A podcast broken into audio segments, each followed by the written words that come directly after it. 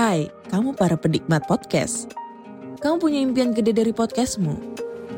Terus First Story bisa banget bantu kamu. Mulai dari F-Link, Dynamic Audio Insertion, sampai statistik yang komprehensif. Semua ada di First Story.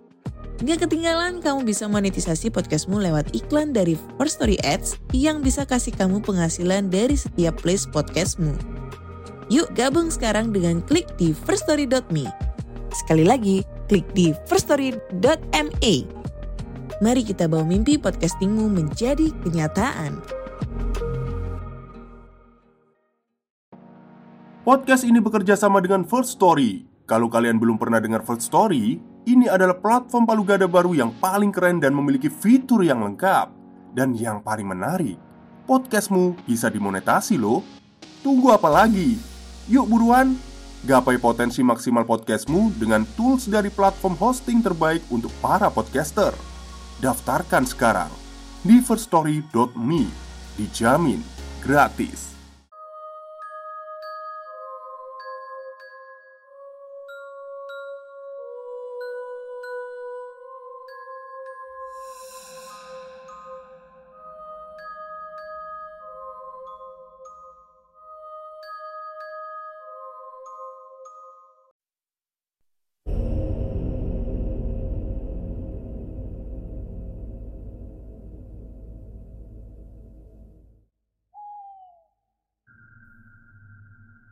Assalamualaikum warahmatullahi wabarakatuh. Halo semuanya. Jumpa lagi dengan saya Chow Sing Sing Kurator dari podcast Horror Night Story.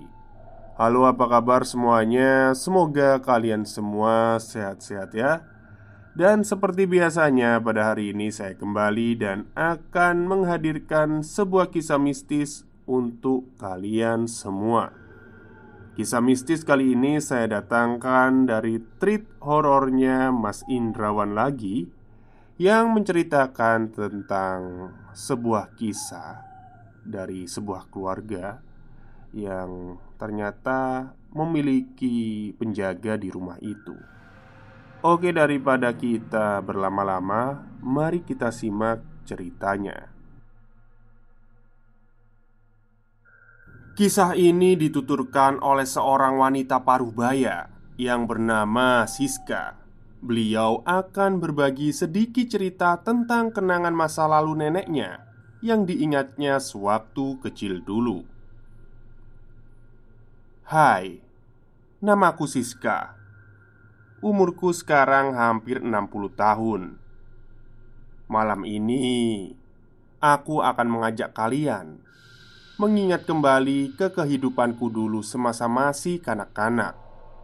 Tepatnya, mengajak kalian untuk mendengarkan sebuah kisah dari nenekku yang masih kuingat jelas sampai saat ini. Di kampung kami dulu, nenek boleh dibilang orang terkaya. Kekayaan tersebut merupakan hasil usaha turun-temurun orang tua nenek, alias buyut kami di atas tanah keluarga yang luas, selain rumah yang besar, di situ terdapat juga gudang tempat produksi tempe dan tahu.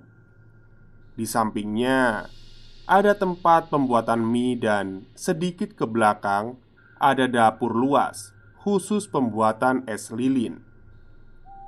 Usaha inilah yang dijalankan oleh keluarga kami dari awal generasi pertama hingga ke generasi berikutnya, dan terhenti di generasi ayahku kelak.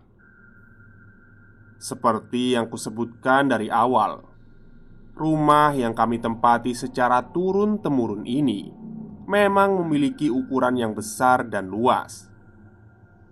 Lantainya saat itu masih memakai papan kayu, dan kamar mandinya juga sederhana hampir semua anak-anak nenek tinggal di rumah itu karena memang nenek tipe orang yang penyayang anak dan penyayang juga ke menantunya, termasuk juga ke kedua orang tuaku. Sifat nenek sangat ramah dan murah hati. Pekerjanya sebagian besar adalah dari keluarga besar dan tetangga sekitar.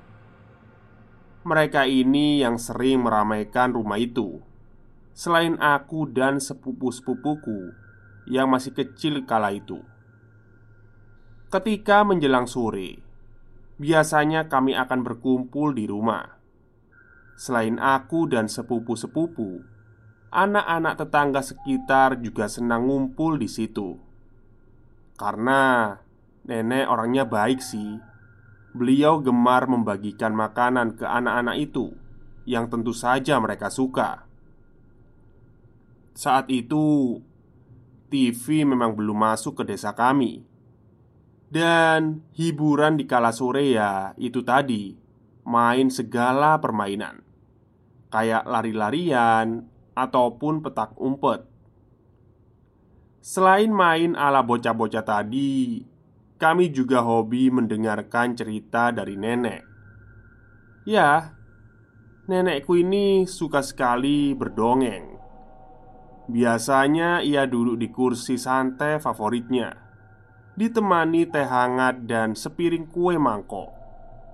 Kemudian dia akan memanggil kami, dan kami pun duduk bersama di bawah kakinya, menanti cerita dari nenek. "Sini, sini, nenek mau cerita." Serunya sebelum beliau mulai berkisah.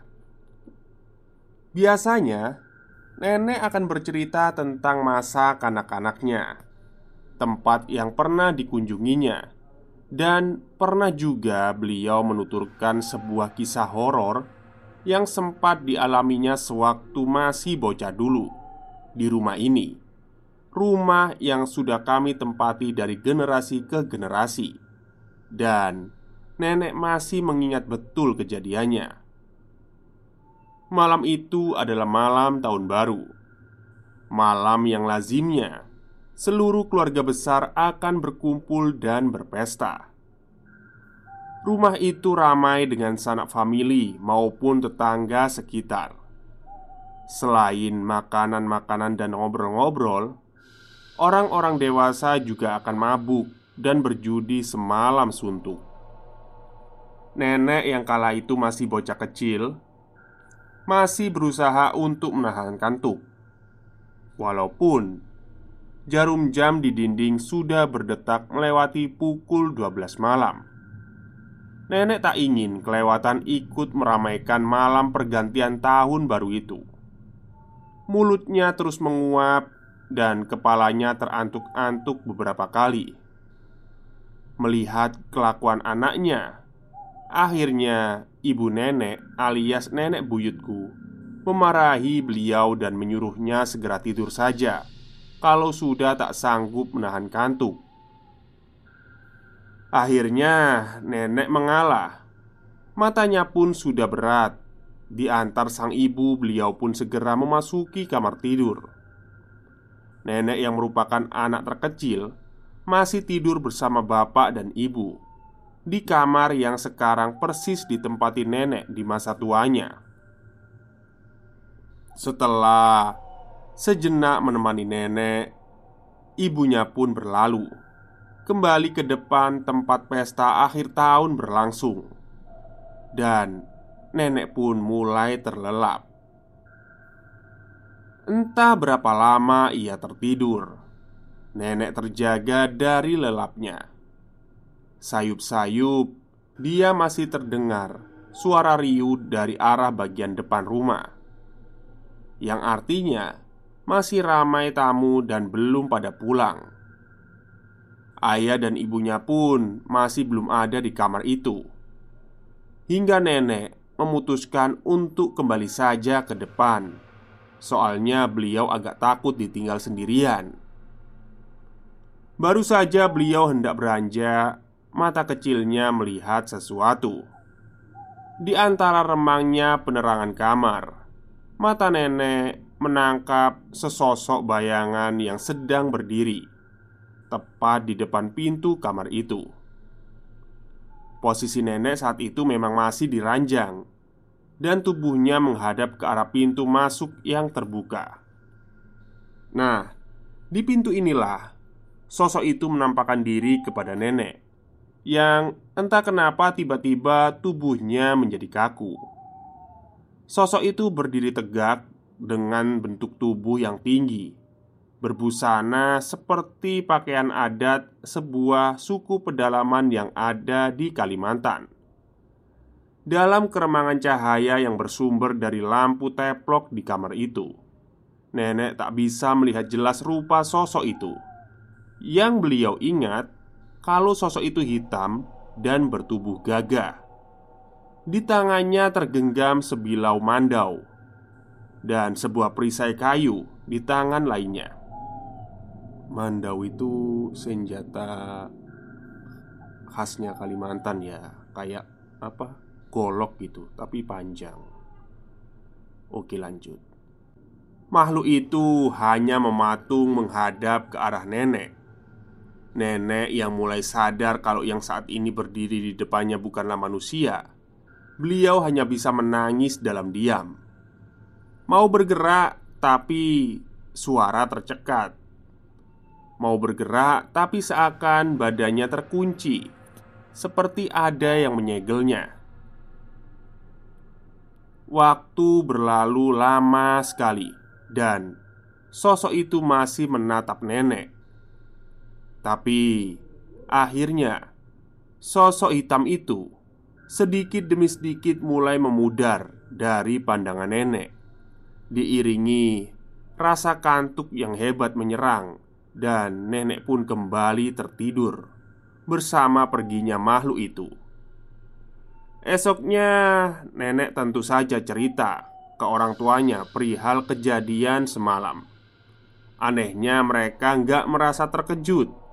Mereka malah ngomong kayak gini: "Jangan takut, dia yang jagain kita kok." Ya, waktu itu nenek sungguh tak mengerti Singkat cerita, orang tuaku sempat bertengkar dengan nenek karena sedikit masalah perselisihan keluarga. Ayahku ingin beralih bisnis ke kota dan ingin aku yang kala itu mulai remaja melanjutkan ke sekolah yang lebih baik daripada di desa. Nenek marah karena beliau tak ingin berpisah dengan kami. Akhirnya, pindahlah kami ke rumah itu, rumah yang penuh kenangan rumah tempat kami bermain, rumah yang penuh kebahagiaan, yaitu rumah nenek. Sudah sepuluh hari sejak kepergian nenek, kami, anak cucu beliau, kembali berkumpul di rumah yang tak banyak berubah ini. Usaha turun-temurun beliau kini sudah tutup, dan sama sekali tidak ada kegiatan karena ayahku yang sebelumnya diharapkan untuk melanjutkan malah menolaknya. Rumah yang dulunya ramai dan penuh kebahagiaan kini sepi tanpa canda tawa dan suram. Rencananya, besok kami akan kembali ke kota setelah peringatan 10 hari kematian nenek. Hanya tinggal seorang pamanku yang kebetulan masih membujang dan menghuni rumah ini.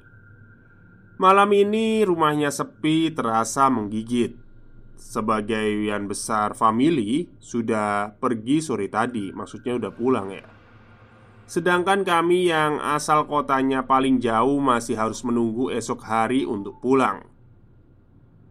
Nah, waktu itu karena aku haus Aku beranjak pergi ke dapur.